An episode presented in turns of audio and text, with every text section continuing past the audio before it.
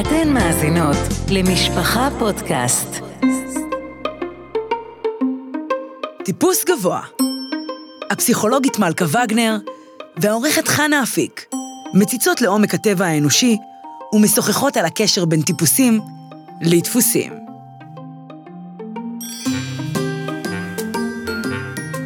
שלום לכן יקרות. בפודקאסט שלנו, טיפוס גבוה, אנחנו שמחים לארח את הפסיכולוגית החינוכית הוותיקה, גברת מלכה וגנר.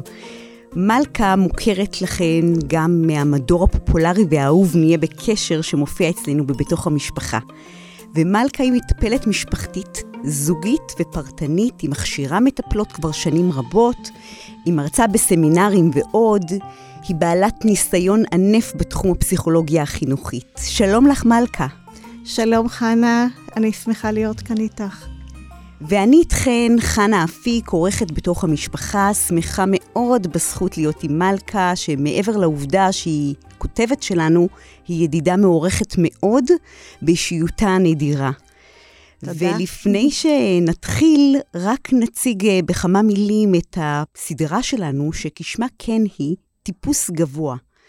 בסדרה אנחנו רוצות uh, ללמוד ביחד על טיפוסי אישיות, וקצת קודם לכן אולי uh, על טיפולוגיה ומבנה אישיות. אנחנו רוצות להחכים ולדעת uh, מהי אישיות, ועוד הרבה דברים שמעניינים את כולנו. כי מה דבר יותר מרתק מאשר להכיר את עצמנו, להכיר טוב יותר את הסובבים אותנו ואת האנשים שאנחנו מנהלים אה, איתם את החיים ונתקלים לעיתים בחיים. והעיקר, כל זה כדי לדעת לחיות עם עצמנו ואיתם טוב ונעים יותר. אז אני אשאל אותך, מלכה, בחרת לדבר על הנושא של אה, טיפוסי אישיות. למה? אנחנו חיות עם הרבה טיפוסי אישיות, ואנחנו זורמות איתן. אז למה יש לך עניין מיוחד בנושא הזה, אם אנחנו כבר חיים וזורמים? חנה, את אה, לקחת לאחרונה לידייך איזו תמונה משפחתית שבה את מצולמת עם אולי ילדייך, בעלך ועוד כל מיני אנשים. בטח שמת לב שהאדם הראשון שאת מחפשת בתמונה הזאת זה את עצמך. נכון? ככה אנחנו. ככה אנחנו, ככה אנחנו, בלי בושה, בלי כחל וסרק, אנחנו מחפשים את עצמנו. ואני חושבת שזה לא רק בתמונות, לא רק בתצלומים, אלא זה כל החיים. את יודעת, הבעל שם טוב הקדוש אמר שהמילה שהאדם הכי אוהב לשמוע זה את שמו. השם שלנו מהדהד את המהות שלנו, והמהות שלנו זה הדבר שהכי מסקרן אותנו.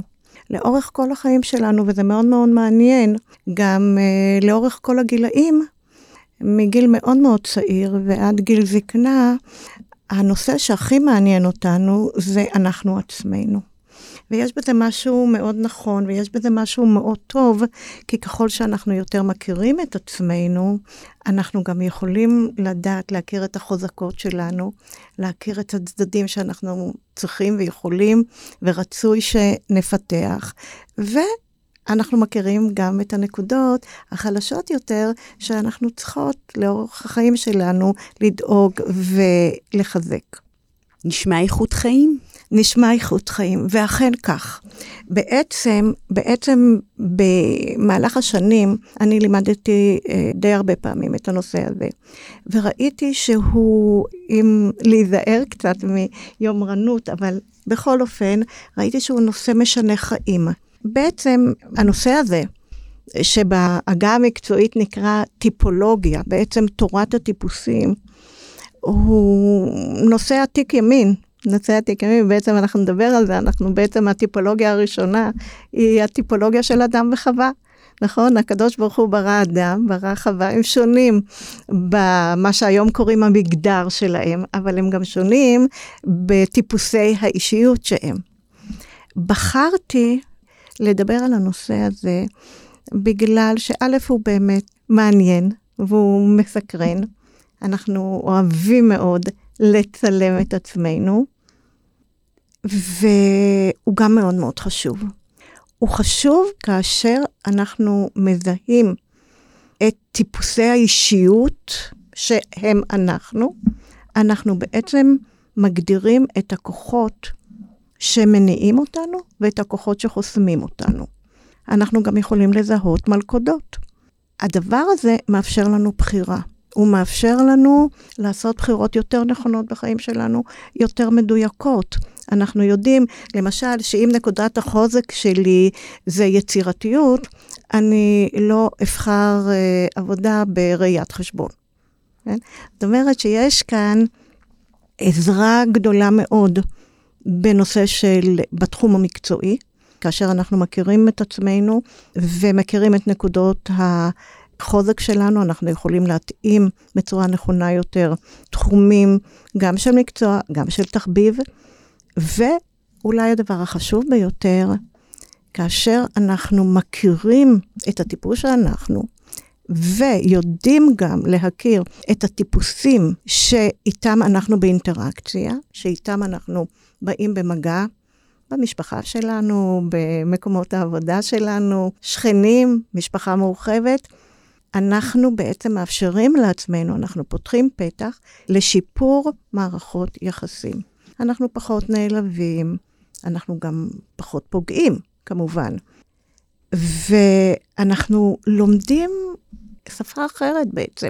אנחנו לומדים איזושהי שפה של תקשורת, שהיא לא השפה דווקא האוטומטית המולדת שלנו, אלא היא שפה שהיא מותאמת למקום ולאנשים שאיתם אנחנו חיים. יפה. את משתמשת חופשי ככה במושג אה, טיפוסי אישיות, ואני מניחה שלא לכל מי ששומעת ברור לגמרי המושג הזה. אולי נדבר קודם על המושג המקדים, אישיות? מהי אישיות, לפני שנדבר על טיפוסי אישיות? וואו, חנה, זאת, זאת שאלה טובה. את יודעת, מה שנראה לי כמובן מאליו, ודאי לא מובן מאליו לשומע. זה נכון.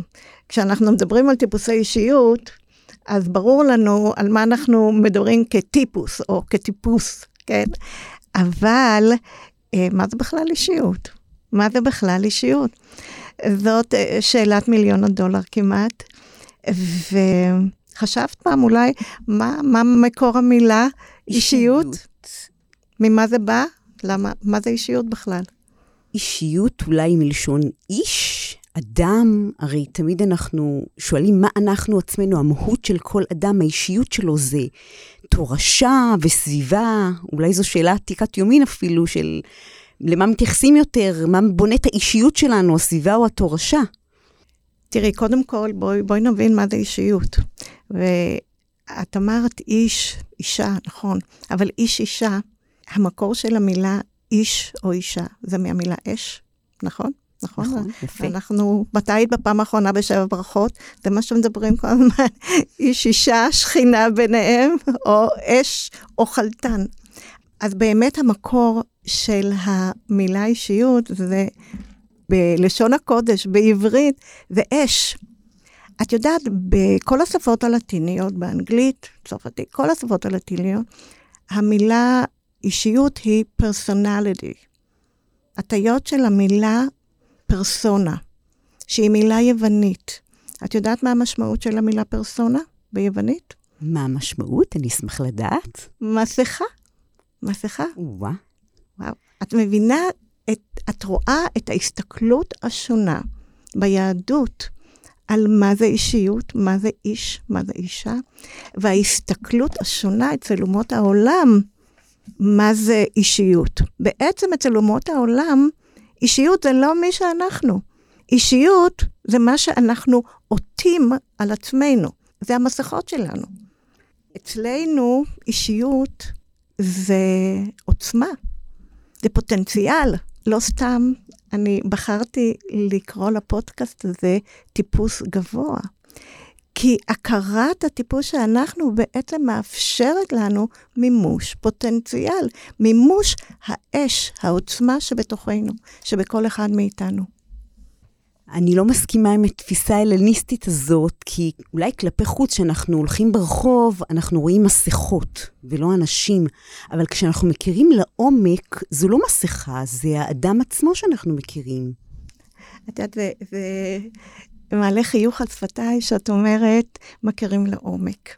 לפעמים אפילו האדם עצמו לא מכיר את עצמו לעומק. ובשביל שהוא. זה אנחנו כאן. אז בואי נראה איך אנחנו יכולים לקדם את המקום הזה, של באמת להכיר את עצמנו לעומק. נפלא. בואי נתחיל. שאלת אותי מקודם לגבי הנושא של בעצם איך נוצרת אישיות. שאלת התורשה לעומת שאלת הסביבה. זוהי השאלה הנחקרת ביותר בתחום של הפסיכולוגיה. נדמה לי שנעשו בתחום הזה אלפי מחקרים. ובשורה התחתונה, מה את חושבת? מה משפיע יותר? מי אנחנו? אנחנו תוצר של גנים, של תורשה, או שאנחנו תוצר של סביבה? גם וגם. ומה יותר? זו באמת שאלה חשובה שאנחנו נשמח שתשיבי לנו עליה. הלוואי שהייתי יכולה. מה שאני רוצה לומר לך, חנה, שהתשובה שניתן היא לא התשובה הנכונה, כי גם חוקרים על גבי חוקרים לא הגיעו לתשובה חד משמעית בנושא הזה.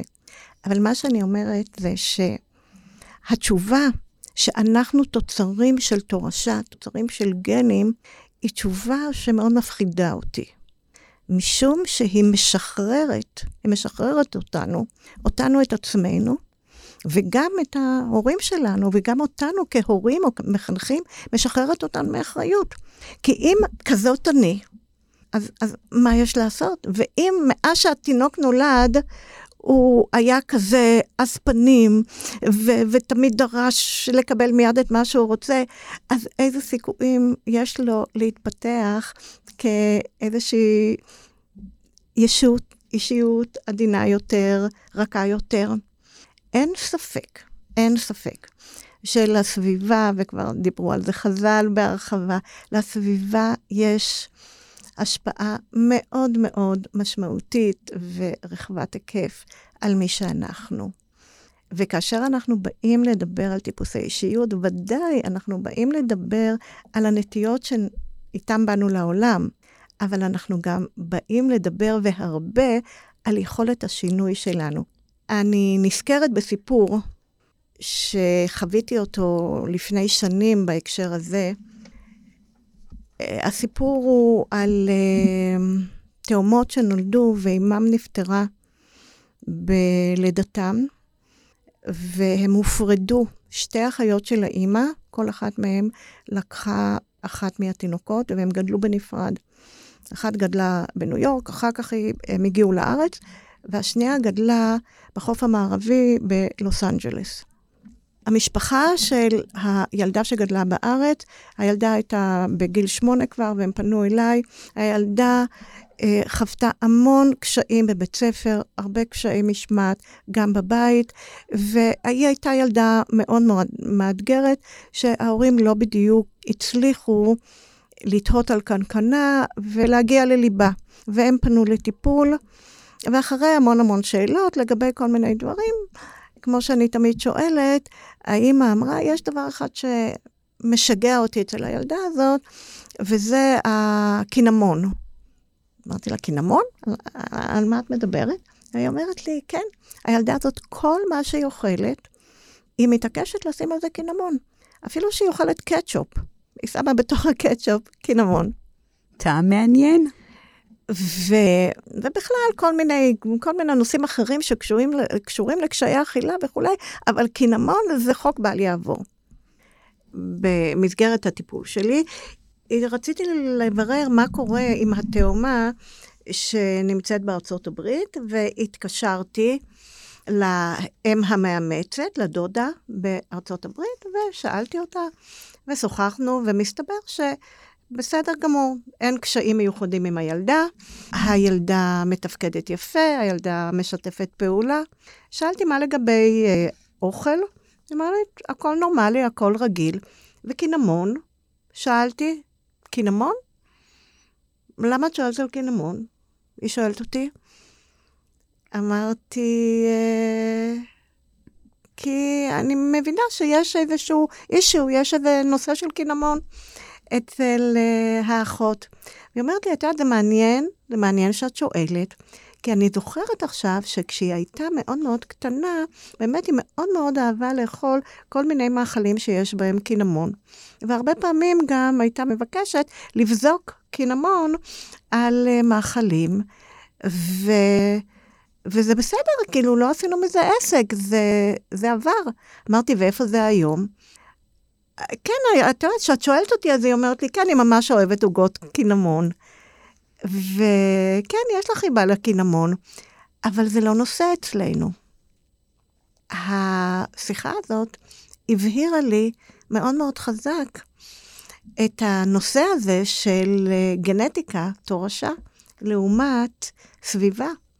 כי מה שמסתבר, וזה שפך לי, סיפור הקינמון, בעצם שפך לי אור על מה שקורה אצל, במשפחה של הילדה שגרה כאן בארץ, שבעצם הרבה מאוד מההתנהגויות של הילדה, מהרצונות של הילדה, מהדפוסים של הילדה, מעוררים התנגדות אצל ההורים. וההתנגדות שלהם יוצרת התנגדות נגד, ואז נוצרות הבעיות. אצל כל אחד מאיתנו ישנו מרכיב גנטי. הנה, תאומות, יש להם חיבה יתרה לקינמון. אצל אחת זה הפך להיות בעיה. במקום שיש, התעוררה התנגדות לקינמון, ואמרו קינמון, מה זה, זה קרייזי, זה, זה, זה, זה שיגעון, מה פתאום? שם נוצרה בעיה. ובמקום שזרמו עם זה, אז זה הפך להיות חלק ממי שהיא. וכך אנחנו באמת מתפתחים. אז זה גנטי הקינמון הזה, הסיפור המדהים על ידת הקינמון, וזה אומר שכהורים וסתם כמבוגרים בכל מיני זירות בחיים, יש לנו אחריות עצומה אה, כלפי כל מי שאנחנו איתו במגע. אכן כך. בוודאי שהאחריות הראשונה במעלה שלנו היא האחריות שלנו כהורים, אבל בוודאי יש לנו אחריות לגבי כל האנשים שאנחנו באים איתם במגע, אפילו כעורכת עיתון. אני חושבת שיש לך אחריות אה, במה שאת מביאה לאינטראקציה עם אנשים, ונכון שנכיר בכך. כי בכל אחד מאיתנו ישנם שלושה חלקים, וזה החלק הקוגניטיבי שלנו, החלק החושב, יש לנו את החלק האמוציונלי שלנו, החלק המרגיש, ויש לנו את החלק ההתנהגותי, החלק הפועל. ואנחנו באים לעולם כאשר כל החלקים האלה פועלים באינטראקציה, אבל אצל כל אחד מאיתנו ישנו חלק אחד שהוא הדומיננטי. וחשוב לנו שנדע מהו החלק הדומיננטי שלנו, והנה כבר אנחנו נכנסים לנושא של טיפולוגיה, כי אנשים שונים אחד מן השני בדומיננטיות של החלקים, ולפעמים ההורים יהיו שונים מהילדים, ויבוא ילד לעולם שהוא מאוד מאוד אמוציונלי, אבל אימא שלו היא מאוד מאוד התנהגותית, היא מאוד מאוד מעשית. ויכול להיות שזה מה שקרה גם אצל ילדת הקינמון. ואז המפגש הוא מפגש מאוד מאוד מחייב, כי אם האימא לא תבין שאצל בתה החלק הדומיננטי הוא חלק שונה מהחלק הדומיננטי אצלה, הדבר יכול להביא להרבה מאוד תסכול, להתנגשויות, למאבקי כוח ועוד כל מיני דברים שממש לא נעימים ואנחנו ממש לא רוצים שהם יקרו. אז כן, יש לנו הרבה הרבה מאוד אחריות בנושא הזה של הכרת עצמנו, הכרת החלקים הפועלים בנו, וגם הכרת החלקים הפועלים אצל הילדים שלנו ודאי, אצל בני הזוג שלנו, וגם כל האנשים שהם משמעותיים בחיים שלנו. וכמובן שאין כאן, וצריכים מאוד מאוד להיזהר מזה, אין כאן טוב או לא טוב. אין כאן אפילו יותר טוב ופחות טוב. הכל טוב באותה מידה. והכי טוב שנכיר את עצמנו. נשמח שתרחיבי לנו באמת על החלק ההתנהגותי, הקוגנטיבי, או אמוציונלי, או המעשי, שנדע איך אה, נתנהל עם הבני משפחה שהקדוש ברוך הוא נתן דווקא לנו ולא לשכנים. אז בוודאי שאנחנו צריכים לעשות איזושהי התאמה של ערוצים. זאת אומרת, בואי תנסי לדמיין איזושהי סיטואציה, איזשהו מצב, שאימא הולכת לקנות אה, בגד עם אה, בתה המתבגרת, כן? זה, זה נושא טעון, אולי זה בפודקאסטים של גיל ההתבגרות, אבל כרגע נסתכל על זה מנקודת מבט של טיפוסי אישיות. ונגיד שהאימא היא טיפוס מאוד מאוד מעשי, התנהגותי, פרקטי, והילדה היא ילדה מאוד אמוציונלית. ואז הן אה, נכנסות אה, לחנות הבגדים, והילדה רואה איזושהי בגד, אמא, אני מתה על זה, אמא, אני מתה על זה, אמא, אני חייבת, אני חייבת את זה, לא, לא, לא, לא. כן, לא. ולאימא מתחשק והאמא- להגיד לה, על הסמרטוט הזה אני הולכת לשלם חצי משכורת. איזה ילדה גידלתי, עם איזה טעם. חנה, אני עוד לפני כן, אחרי, אמא מסתכלת על הבגד, היא אומרת, רגע, למה זה ישמש אותך, יקירתי? אחרי זה, לשבת זה, זה לא בדיוק. לשמחות, לחתונות, בטח שזה לא. ליום-יום זה חגיגי מדי. אז תראי, זה, זה ממש לא פרקטי. זה ממש לא פרקטי. וחוץ מזה, תבדקי, תראי את התפרים, את התפירה, זה, זה לא, כמה זמן זה יחזיק מעמד, ו- ובכלל הבת. אבל אמא, אמא, אני מתעלפת, אמא, אני מתה על זה. ואני רק רואה את עצמי בדמיון שאני באה עם הבגד הזה לחברות שלי, והן, מה זה מתפוצצות מקינה, ווואו, וואו. אני, אמא, אמא, אמא, אמא, את לא תעשי לי את זה, אני חייבת, אני חייבת. עכשיו, לכי תפתרי כאן. את, ה, את הבעיה הזאת. זאת אומרת, בעצם האמא אומרת, אין עם מי לדבר. והבת אומרת, רגע, מה אכפת לי בכלל, התפרים והאיכות ו- ולמה זה ישמש? העיקר שזה יהיה שלי. כאן זה יכול להיות קר, נרחב, למאבק. אבל אם האימא הייתה מבינה, אוקיי, הבת האמוציונלית שלי, היא פועלת בערוץ שונה. אני לא מצפה מהבת שתבין עדיין, אלא אם כן היא תאזין לפודקאסט הזה, אני לא, אני לא מצפה מהבת שתבין את הערוץ של האימא. כן, שדיברת מקודם על אחריות, ודאי שזו האחריות שלנו, כבוגרים, כהורים, כמחנכים, להבין ולהתאים את עצמנו. אבל הרעיון הוא שככל שאנחנו עושים יותר סינכרוניזציה, התאמה של ערוצים, אנחנו חיים יותר בשלום, יותר בשלווה עם האנשים שמסביבנו. הם פחות מתסכלים אותנו, הם פחות גורמים לנו גם לשיפוטיות, לביקורת, הם יותר מעוררים הבנה. כשאת שואלת על אה, אחריות שלנו כהורים, אין ספק שהאחריות היא גדולה מאוד, בגלל הסיבה הפשוטה שיש uh, כמה גורמים שפועלים ביחסי גומלים ביניהם, בהשפעה שלהם, על מבנה של אישיות. אנחנו שואלים את השאלה, איך נוצרת אישיות? אז באמת, גורם אחד זה הנטיות המולדות. זה מה שהמתנות שהקדוש ברוך הוא נתן לנו.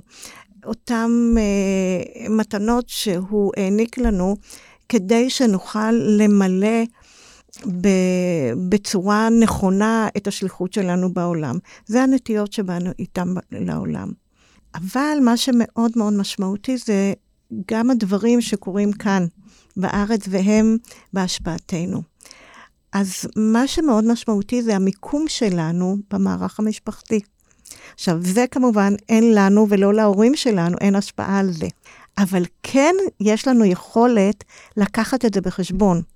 והייתי אומרת שזה לא רק היכולת שלנו לקחת את זה בחשבון, אלא גם זה החובה שלנו, זה התפקיד שלנו לקחת את זה בחשבון.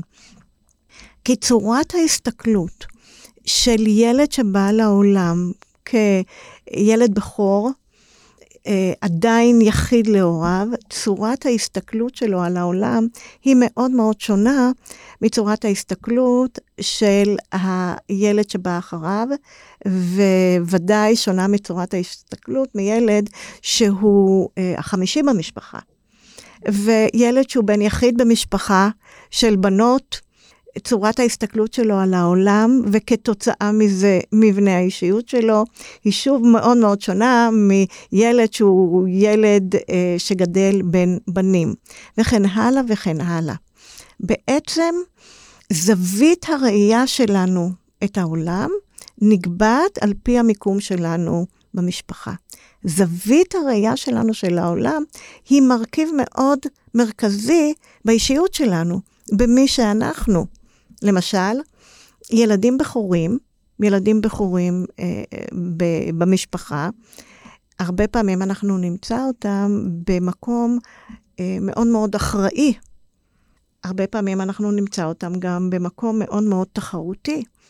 כי הם, פתאום מישהו הגיע והוריד אותם מהבלעדיות של המיקום שלהם, ועכשיו הם צריכים להתחרות על uh, מקומם במשפחה.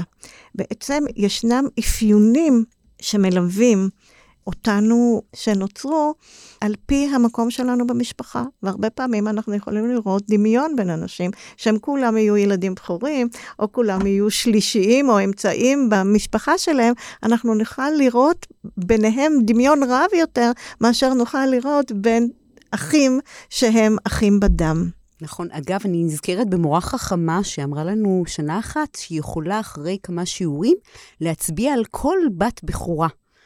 אני זוכרת שהיא ישר אמרה לי, את בכורה, עם סימן קריאה, והיא צדקה.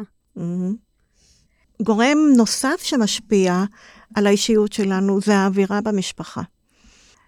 אם זאת אווירה של uh, מתח או אווירה של uh, הרמוניה ושלווה, אם זאת אווירה ששמה, שנגיד כסף, כסף זה נושא מאוד מאוד מרכזי אנחנו נראה שהנושא של כסף ויחס לכסף נעשה משהו מרכזי באישיות של הילדים, ודרך אגב, לא תמיד באותו כיוון. לפעמים, לפעמים באות, במשפחה שבה כסף, למשל, זה נושא מרכזי, יכול לגדול ילד שיש לו אה, נטייה מאוד מאוד אה, גדולה לפזרנות, והוא לאו דווקא אחראי בנושאים של כסף. לעומת זאת, אחיו יכול להיות מאוד מאוד, אפילו קמצן, אבל בהחלט, בהחלט מאוד מאוד מחושב. בכל מקרה, אנחנו נראה שאצל כל אחד מהם, אם כי בכיוונים שונים, כסף יכול להוות גורם מאוד מרכזי באישיות. זאת אומרת שהאווירה המשפחתית היא בעצם זו האחראית לדמיון בין הילדים. המערך המשפחתי הוא זה האחראי על השונות בין הילדים. אבל שניהם, כל אחד מהכיוון שלו, פלוס הנושא של נטיות מולדות, בעצם הם מרכיבים את האישיות שלנו. והדבר האחרון, שהוא גורם מאוד חשוב בעיצוב האישיות שלנו, זה כמובן שיטות החינוך. שיטות החינוך ב, בתוך הבית, שהן שונות מבית לבית.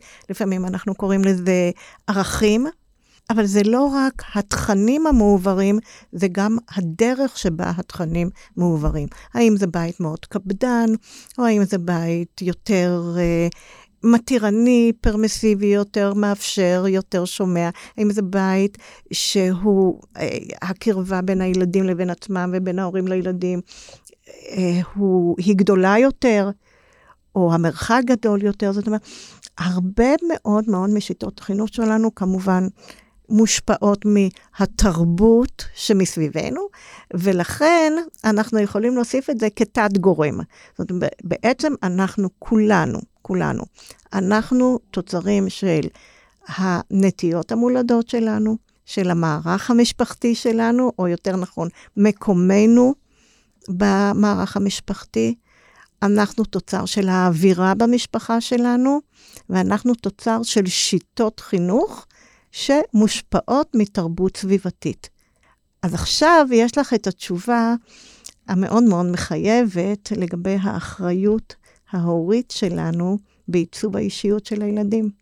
בהחלט. גם אם לא הגענו למסקנה מה יותר גובר, הסביבה או התורשה, יש לנו כאן מסקנה חשובה על האחריות ואולי עד שבוע הבא שנשמע אותך שוב, אז ננסה לבדוק עם עצמנו איזה חלק דומיננטי יותר אצלנו באישיות. האם אנחנו אנשים אה, חושבים, רגישים או מעשיים יותר? מה קורה עם הקוגניציה שלנו מול האמוציה, ומה יותר בולט אצלנו?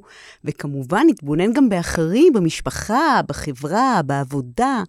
אה, ונחשוב מה אצלם יותר, ובעיקר בעיקר, מה אנחנו יכולים ללמוד מהם.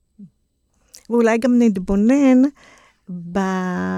בתפיסות שמפתחים הילדים שלנו, בדרך הזווית המיוחדת שלהם במערך המשפחתי, ואולי נבדוק את עצמנו לאיזו אווירה משפחתית אנחנו יוצרים בתוך המשפחות שלנו, ואולי נשים גם לב איפה וכמה וכיצד אנחנו מושפעים מהתרבות הסביבתית שלנו. כי כל הדברים האלה בסופו של דבר יוצרים את מי שאנחנו ואת מי שהילדים שלנו הם ויהיו. אז למעשה, על מה דיברנו היום, מלכה? וואו, אז באמת חשוב שנסכם. אז קודם כל ראינו למה חשוב לדבר על טיפולוגיה. כי תאפשר לנו אולי טיפוס גבוה. וראינו מה האישיות. ראינו את ההבדל בין התפיסה היהודית, שמדברת על עוצמה ואש, לבין התפיסה הלא יהודית, שמדברת על מסכות. ראינו שבכל אחד מאיתנו ישנם שלושה ממדים, ההתנהגותי מעשי, הקוגניטיבי, החשיבתי והאמוציונלי, הרגשי. ראינו שאנחנו שונים אחד מן השני בדומיננטיות של החלקים והבנו גם שחשוב לעשות התאמה עם הערוצים של האנשים שמסביבנו. דיברנו קצת על מה משפיע יותר, תורשה או סביבה, ולבסוף ראינו את ארבעת הגורמים המשפיעים על אישיותנו. נטיות מולדות, מקומנו במערך המשפחתי, האווירה המשפחתית, ושיטות החינוך הנקוטות במשפחה. והבנו שהחלקים שאיתם אנחנו באים לעולם הם רק קרש קפיצה למה שאנחנו עושים מעצמנו. את יודעת, יש וורט נהדר של הקוצקי רבה שאמר, מי שאנחנו זה המתנה של הקדוש ברוך הוא לנו. ומה שאנחנו עושים מעצמנו, זוהי המתנה שלנו לקדוש ברוך הוא. הלוואי שנזכה לתת הרבה מתנות כאלה, נפלאות, ותודה לך מלכה על הפודקאסט המרתק, הראשון בסדרה, שמחנו להיות איתך. האזנתן לטיפוס גבוה מבית משפחה פודקאסט בהגשת מלכה וגנר וחנה אפיק.